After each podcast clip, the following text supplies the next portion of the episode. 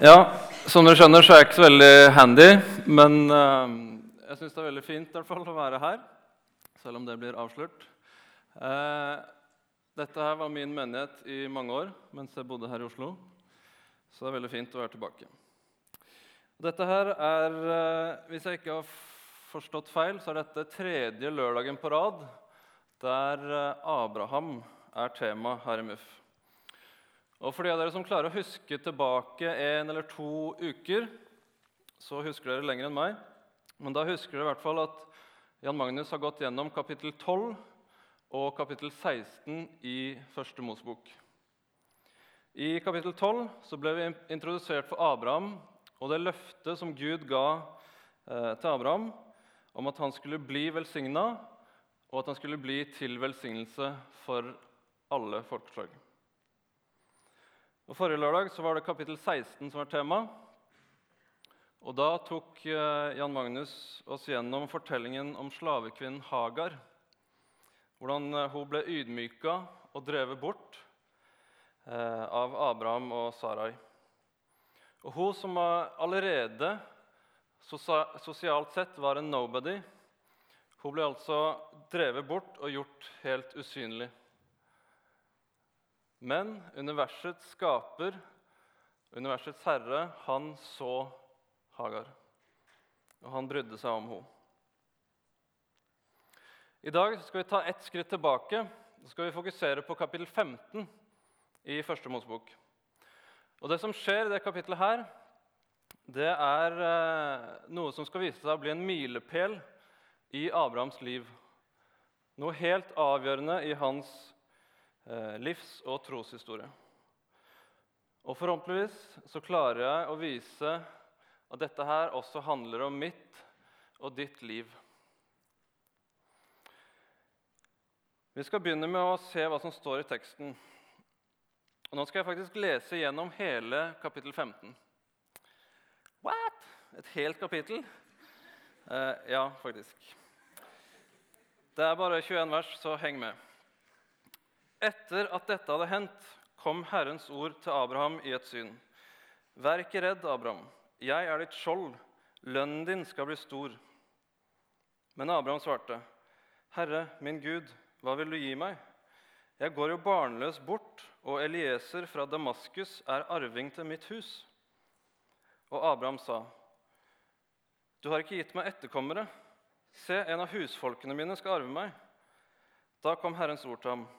Han skal ikke arve deg, men en av, eget, av, ditt eget kjøtt og blod skal arve deg. Så førte han Abraham ut og sa til ham, Se opp mot himmelen og tell stjernene, om du kan telle dem. Og han sa, Så tallrik skal ætten din bli. Abraham trodde Herren, og det ble regnet ham til rettferdighet. Og han sa til ham, Jeg er Herren som førte deg ut fra Ur i Kaldea for å gi deg dette landet i arv. Abraham sa, 'Herre, min Gud, hvordan kan jeg vite at jeg skal få det i arv?' Da svarte han, 'Hent meg en tre års kvige, en tre års geit og en tre års vær, en turteldue og en dueunge.' Abraham hentet alt dette til ham, skar dyrene i to og la delene rett overfor hverandre. Men fuglene skar han ikke i to. Rovfugler slo ned på skrottene, men Abraham drev dem tilbake. Da solen holdt på å gå ned, falt en dyp søvn over Abraham. Og se, redsel og stort mørke falt over ham. Og Gud sa til Abraham.: Dette skal du vite. Ætten din skal bo som innflyttere i et land som ikke er deres. De skal være slaver og bli plaget av folket der i 400 år. Men det folket de må slave for, vil jeg også dømme, og deretter skal de dra ut med stort bytte. Selv skal du gå til dine fedre i fred du skal bli begravet i høy alder. I det fjerde slektsleddet skal de vende tilbake hit. For amorittenes syndeskyld har ennå ikke fylt sitt mål. Solen gikk ned, og det ble mørkt. Og se, en rykende ovn kom til syne. En flammende fakkel for mellom kjøttstykkene. Den dagen sluttet Herren en pakt med Abraham og sa.: Din ett gir jeg dette landet, fra Egypterelven helt til storelven Eufrat landet til kenittene, kenisittene og kadmonittene, hetittene, perisittene og refaittene, amorittene, kananeerne, girgashittene og jebusittene. Dette er Guds ord. Og hvis du datt av på parasittene, så er det helt greit. Historien om Abraham det er historien om en mann som ble utvalgt av en gud han knapt hadde hørt om. Og så Plutselig blir han bedt om å dra fra hjembyen sin, eh, fra hjemlandet sitt, og forlate alt han kjenner. Han blir, bedt, han blir bedt om å dra fra familien sin, fra slekta si. Med andre ord hele sikkerhetsnettet hans. Og så kaller denne ukjente guden Abraham inn, i en ukjent framtid til et ukjent land langt borte. Og Det fantastiske med Abraham, og grunnen til at han er et så stort forbilde i Bibelen, det er at han går i tro på det Gud sier. Selv om han ikke vet hva som vil skje. Og hemmeligheten, tror jeg, ligger i det som står i vers 6. Abraham trodde Herren. Han stolte på Gud. Og Det er kanskje ikke tilfeldig at det ikke står at Abraham trodde på Herren. Fordi han trodde ikke på Gud som et eller annet system med de og de trossetningene. Han trodde ikke på en religion. Fordi Abrahams religion det var en personlig gud. Og troen hans det var relasjonen han hadde til denne guden. Han trodde Herren fordi han hadde møtt han, og han hadde blitt kjent med han. I Hebrevbrevet i Det nye testamentet så sammenlignes denne troen med et anker for sjelen. Og Som dere kanskje vet, så er greia med anker at de må festes i noe annet enn det vannet som du flyter på. Du må feste det i noe som står fast, noe som ikke flytter seg, noe som er uforanderlig. Eller så vil båten bli slengt hit og dit av bølgene. Abraham hadde festa ankeret sitt i Gud. Og Det gjorde at han sto støtt, selv om livet storma rundt ham. Jeg har hørt mye på Tim Keller når jeg har forberedt denne talen. her, og Han sier bl.a. at eh, alle våre problemer dypest sett handler om at vi har festa ankeret vårt i noe annet enn Gud. Vi stoler ikke på Gud. Og I stedet så fester vi ankeret vårt til ting som penger, ferdighetene våre, karakterer, opplevelser, status, venner, ektefelle. Og så tror vi at disse tinga vil gi oss mening og verdi og glede. Problemet er at disse tinga her er vann. De vil ikke vare. Og de kan heller ikke gi deg det du lengter etter, det du trenger. På et eller annet tidspunkt så kommer ankerfestet til å gi etter. Og da kommer du til å bli knust mot klippene. For det finnes bare én ting som kan gi et evig og trygt ankerfeste for sjelen vår. Det finnes bare én som virkelig kan gi oss det vi trenger, det vi lengter etter. Og det er Gud. Gud sjøl. Ingenting annet duger når det kommer til stykket. Og Abraham han begynte å skjønne det. Han begynte å senke ankeret sitt ned i den sannheten. Men han satt likevel igjen med et helt avgjørende spørsmål. Og Det er det samme spørsmålet som du sitter med her i kveld. For Hvis det er sånn at Gud er god, hvis det er sånn at han er til å stole på, hvordan kan jeg vite det? Hvordan kan jeg være sikker på at han vil holde det han har sagt? Abraham sa, 'Herre, min Gud, hvordan kan jeg vite at jeg skal få det i arv?' Gud hadde lova Abraham et land, og Gud har lova meg og deg et land, et evig rike. Men hvordan kan vi være sikre?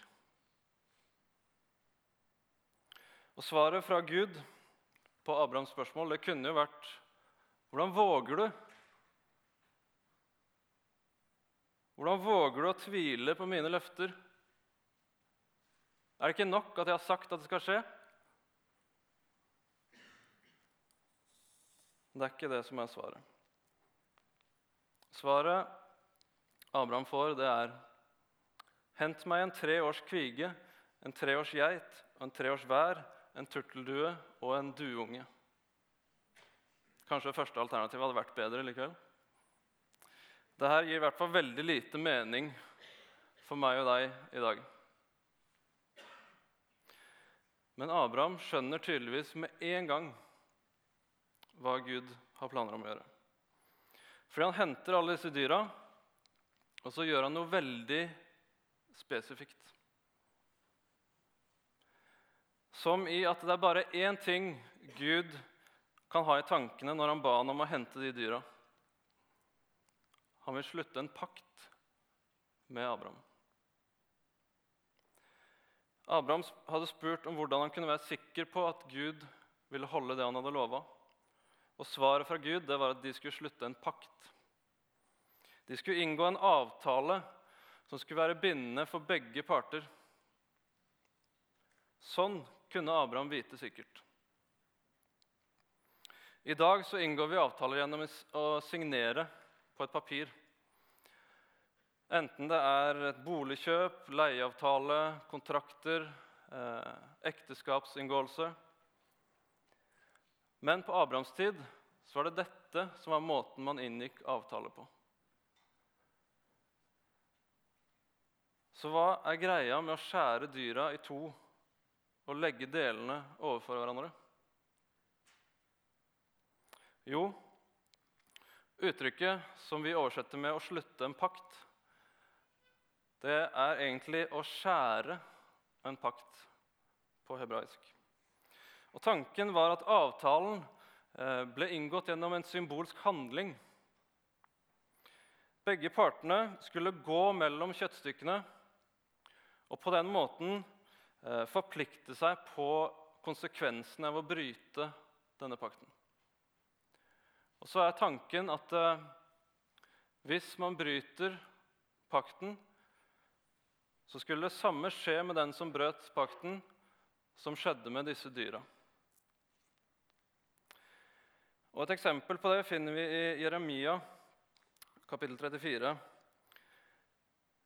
der Gud sier.: De som brøt min pakt og ikke holdt ordene i den pakten de sluttet for mitt ansikt, med dem skal jeg gjøre som med, dem, med den kalven de skar i to, så de kunne gå mellom stykkene. Lederne i Juda og Jerusalem, hoffmennene og prestene og hele folket i landet som gikk mellom stykkene av kalven, gir jeg hendene på fiender og folk som står dem etter livet. Likene av dem skal bli til føde for fuglene under himmelen og for dyrene på marken. Det var en sånn avtale Abraham var i ferd med å inngå med selveste Gud. Hvis han, hvis han klarte å holde pakten, så ville han få det landet som Gud hadde lova han. Men hvis han brøt avtalen, så ville konsekvensene bli dødelige. Og Kanskje er det det som etter hvert går opp for Abraham. For I vers 12 så står det at redsel og stort mørke falt over ham. Han er livredd for hva som kan skje. Kanskje han angrer på at han var så frimodig at han spurte Gud i det hele tatt. Men så skjer det noe når sola går ned. Abraham ser plutselig en rykende ovn og en flammende fakkel i mørket. Og Det er Gud sjøl som viser seg foran. Og Denne flammende fakkelen den går mellom kjøttstykkene. Altså Gud går mellom kjøttstykkene som Abraham hadde delt opp. Og På den måten så sier Gud at han vil ta på seg konsekvensene dersom han ikke holder det han har lovt Abraham. Gud sverger på at dersom ikke Abraham får det landet han hadde blitt lovt, så skal det skje med Gud som det hadde skjedd med disse dyra. Så hvordan kunne Abraham vite at Gud ville være trofast? Jo, nå så han at Gud virkelig mente alvor. Han har tenkt å holde løftet sitt. Og han gir Abraham signaturen sin på det gjennom å gå mellom kjøttstykkene. Abraham fikk se med sine egne øyne at Gud kom til å holde løftet sitt. Men det gjenstår likevel et kjempeproblem for Abraham og for oss. For det er jo flott at Gud kommer til å holde sitt løfte om å holde sin del av avtalen. Det er godt å vite. Men hva hjelper det hvis ikke jeg klarer å holde min del av avtalen? Mørket som falt over Abraham, handla mest sannsynlig om at han, han, visste at han ikke kom til å klare å holde sin del av pakten. Han visste innerst inne at han på et eller annet tidspunkt kom til å svikte.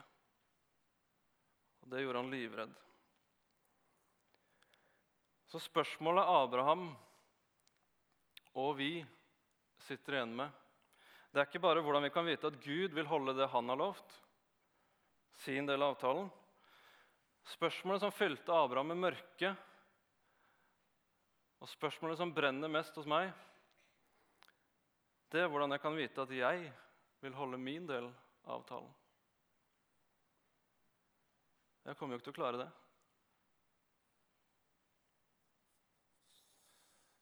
Og det er her denne enorme detaljen kommer inn i bildet og maler evangeliet for oss.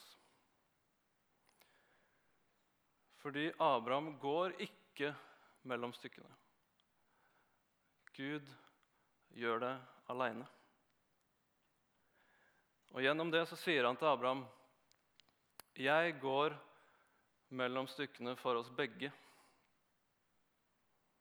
Jeg tar ansvaret. Evangeliet er ikke et samarbeidsprosjekt mellom deg og Gud. Evangeliet er at Gud gjør det aleine. Og pakten han slutter med deg, det er at han sier Jeg tar på meg konsekvensene hvis jeg svikter, og jeg tar på meg konsekvensene hvis du svikter. Hvis jeg ikke holder min del av avtalen, så må jeg dø. Og hvis du ikke holder din del av avtalen, så må jeg dø. Og det var akkurat det som skjedde. Vi svikta, og Gud døde. Mørket som falt over Abraham, det forsvant igjen når Gud slutta pakten med han. Men det kom tilbake igjen mange århundre seinere. For I Markusevangeliet kan vi lese om at eh, et stort mørke falt over landet når Jesus hang på korset. Og Det mørket var uendelig mye større og uendelig mye dypere enn det Abraham opplevde. Og så forsvant det ikke før det ble lagt på Jesus, og før det knuste han der på korset. Han tok konsekvensene av at vi ikke holdt pakten. Han tok konsekvensene av alle våre svik og fall. Han gjorde det aleine. Det er den nye pakten som Gud skjærer for deg. Og Dette er evangeliet som vi tror på. Han visste at du kom til å svikte ham. Han visste at Abraham kom til å svikte ham. Likevel så gikk han mellom stykkene aleine. Hvordan kan jeg være sikker på at jeg vil holde min del av avtalen? Jo, fordi Jesus allerede har gjort det for meg. Han tok på seg konsekvensene av min synd, og han gir meg sitt perfekte liv. Han tar ansvaret for meg helt til jeg er hjemme hos han. I Hebreerne 6 så står det Da Gud ga Abraham løftet, sverget han ved seg selv, for han hadde ingen større å sverge ved. Han sa, 'Sannelig, jeg vil velsigne deg rikt og gjøre din ett uendelig tallrik.' Og Abraham ventet tålmodig og fikk det Gud hadde lovet ham. Mennesket sverger jo ved en som er større, og eden er en stadfestelse som gjør slutt på alle innvendinger. Gud ville gjøre det helt klart for arvingene til løftet at hans beslutning var uforanderlig. Derfor gikk han også god for den med en ed. Med løfte og ed, to ting som ikke kan forandres, og Gud kan ikke lyve, skulle vi ha en mektig trøst vi som har søkt tilflukt ved å gripe det håpet som ligger foran oss. Dette håpet er et trygt og fast anker for sjelen. Det når innenfor forhenget, dit Jesus gikk inn som forløper for oss. Han som til evig tid er blitt øverste prest av samme slag som Melkisedek. Gud vil at vi skal kunne vite.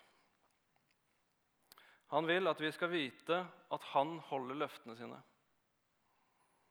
Og han vil at vi skal vite at når vi ikke holder våre løfter, så holder han likevel oss. Det kan du bygge livet ditt på.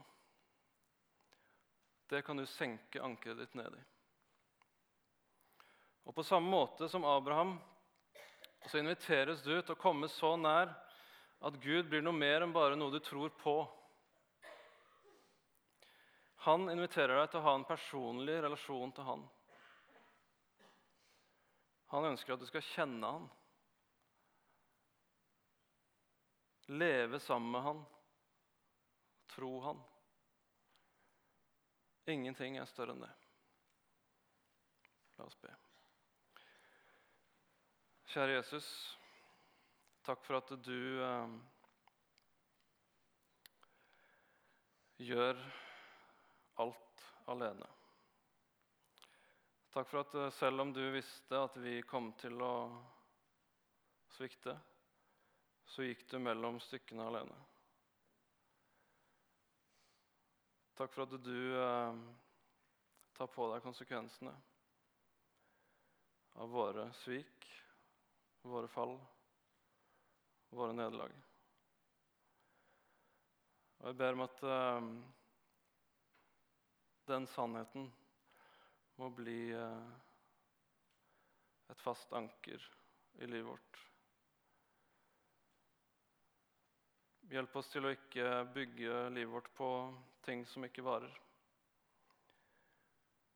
Og hjelp oss til å komme nærmere deg kjenne deg, tro deg. Amen.